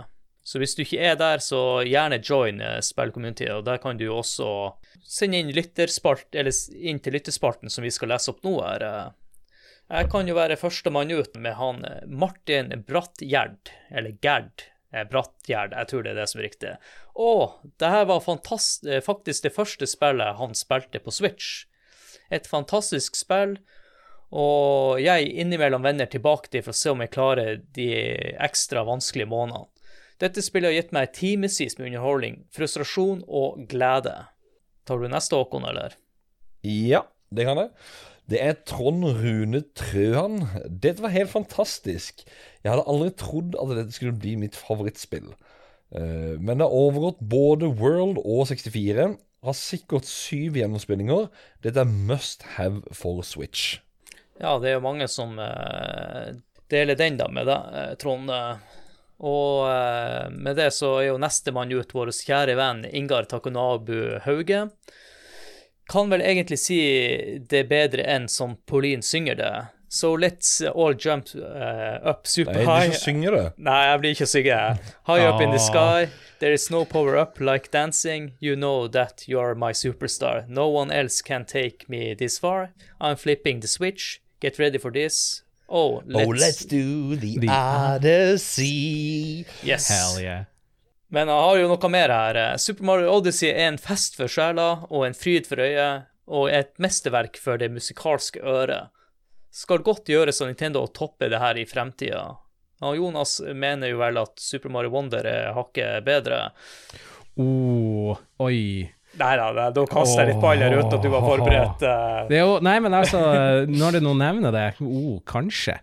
Det jo to veldig forskjellige spill da, å sammenligne, siden det ene er 3D open world, og det andre er supertight uh, 2D. Ja. Men Kanskje Så litt feil å sammenligne. Nei, de er i hvert fall begge to eh, eh, best in class når det kommer til uh, sin respektive eh, del ut av Mario. Hmm. Dæven, det er mye bra Mario på Switch, altså. Så har vi Bjørn Kristoffer Strid. Fantastisk spill. Fullførte fire ganger. Eh, nå sitter min ti år gamle datter og spiller dette med blandet resultat. The game rage is real, for å si det sånn. Når ting ikke går slik hun vil. Ja Ja, jeg har en sønn på fem. Han eller snart fem. Han, han blir hissig ja, nå, for å si det sånn, når ikke ting går som det går i Super Mario Wonder. Ja, men sånn var det også i gamle dager når vi var små og spilte Super Mario Bros. Det gikk heller ikke sånn som vi ville, og ja, jeg vil si at vi hadde en litt større utfordring, men jeg mener jo at barn har det godt å føle litt på det her, at de, ikke alt bare skal gå rett frem og lett og klare. Mm. Den sort-hvitt-banen som jeg snakka om tidligere, altså World 6-3, grunnen for at jeg husker den, det er for at alle tårene som trilla når jeg fikk Nå har jeg kommet til den banen. Å, herregud, som jeg grein. Jeps. Moving on. Nestemann ut er han Kristoffer Getterboys Hansen. Han skriver 'Nydelig spill'. Come on, Mario Dino-konserten. Underworld og de ekstra tunge banene på månen. Moro for barna, enda mer moro for pappa.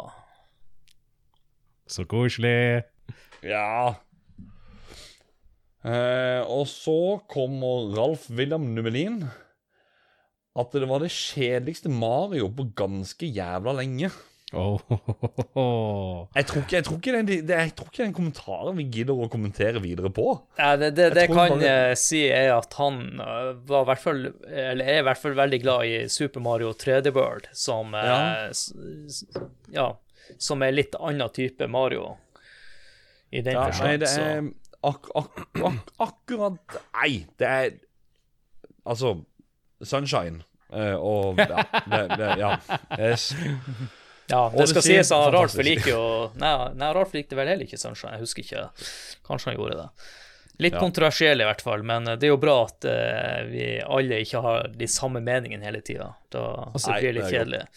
Og så er Det er interessant at vi får, den her eh, Det er jo ikke alle som mener det at 3D-Mario er vanlig Mario. Vanlig Mario for mange er jo bare eh, ett tight level, kom det til mål på slutten. Så, Og 3D World er jo de eneste 3D-Mario-spillene som på en måte følger akkurat den. Så det er egentlig kjempeinteressant at, at vi faktisk fikk den sida opp her også. Og så må vi nevne det her at siden vi har han Jonas her fra Norges beste gamer, så er han Ralf eh, Dublin her, som har vært mange ganger gjester i spill også, Ja. en av finalistene, og den eldste finalisten. Så han er jo akkurat bikka 40 når han skal delta i den konkurransen, så det er jo litt morsomt.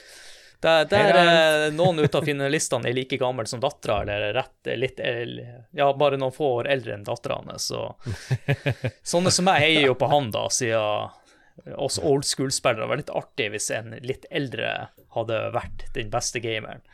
Det hadde vært artig. Fortnite, hva er dette? Eh, vi har jo en mann eh, til her som er en god del inne på discorden vår, han Fred Inge Stenersen. Han mener at det her er jo det beste 3D Mario siden Mario 64, og det er vel kanskje de aller fleste eh, enig i.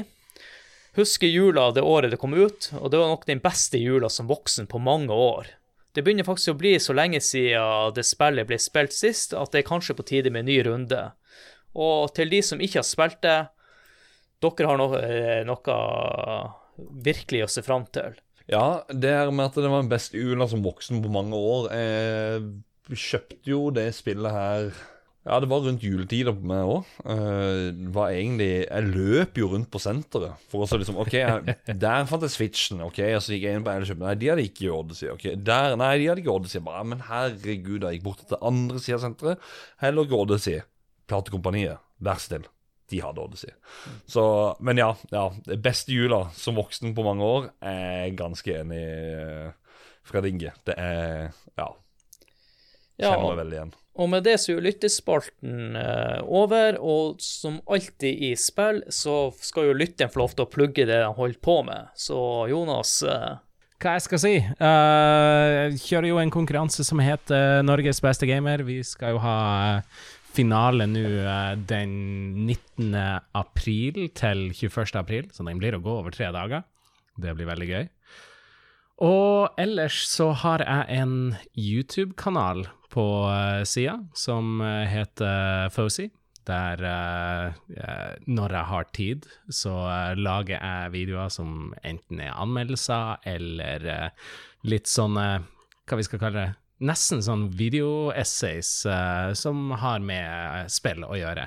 Nå er det en Ah. e- eldgammel eh, episode der om, uh, om Mario Odyssey, Uh, som jeg ikke anbefaler at noen ser. Fordi én, den, er- den er dødsgammel og ja, syv år. og to, uh, der snakker jeg om, om musikken. Jeg føler jeg kanskje er litt mer negativ mot det spillet enn det jeg har vært eh, enn det mitt, uh, mitt generelle inntrykk av spillet egentlig er. Så ikke, ikke se den om dere ikke har lyst til å bli ordentlig sur i dag.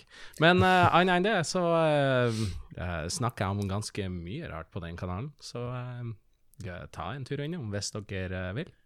Sjekk ut på Fasi, altså F-O-C-I-E, da. Yes, stemmer Det det. er det. Og så er det vel en eh, fyr med skjegg og oransje T-skjorte eller genser på seg, er det ikke det? Stemmer det. Ja, litt yep. kortere hår enn det jeg har uh, nå, men uh, ja. Og, og, og, og en annen ting med Norges beste gamer, uh, det arrangeres jo i Tromsø. ja, stemmer. Og dere har Twitch også, som dere kommer til å streame det på? Ja, ja, stemmer. Uh, hvordan kunne jeg glemme det?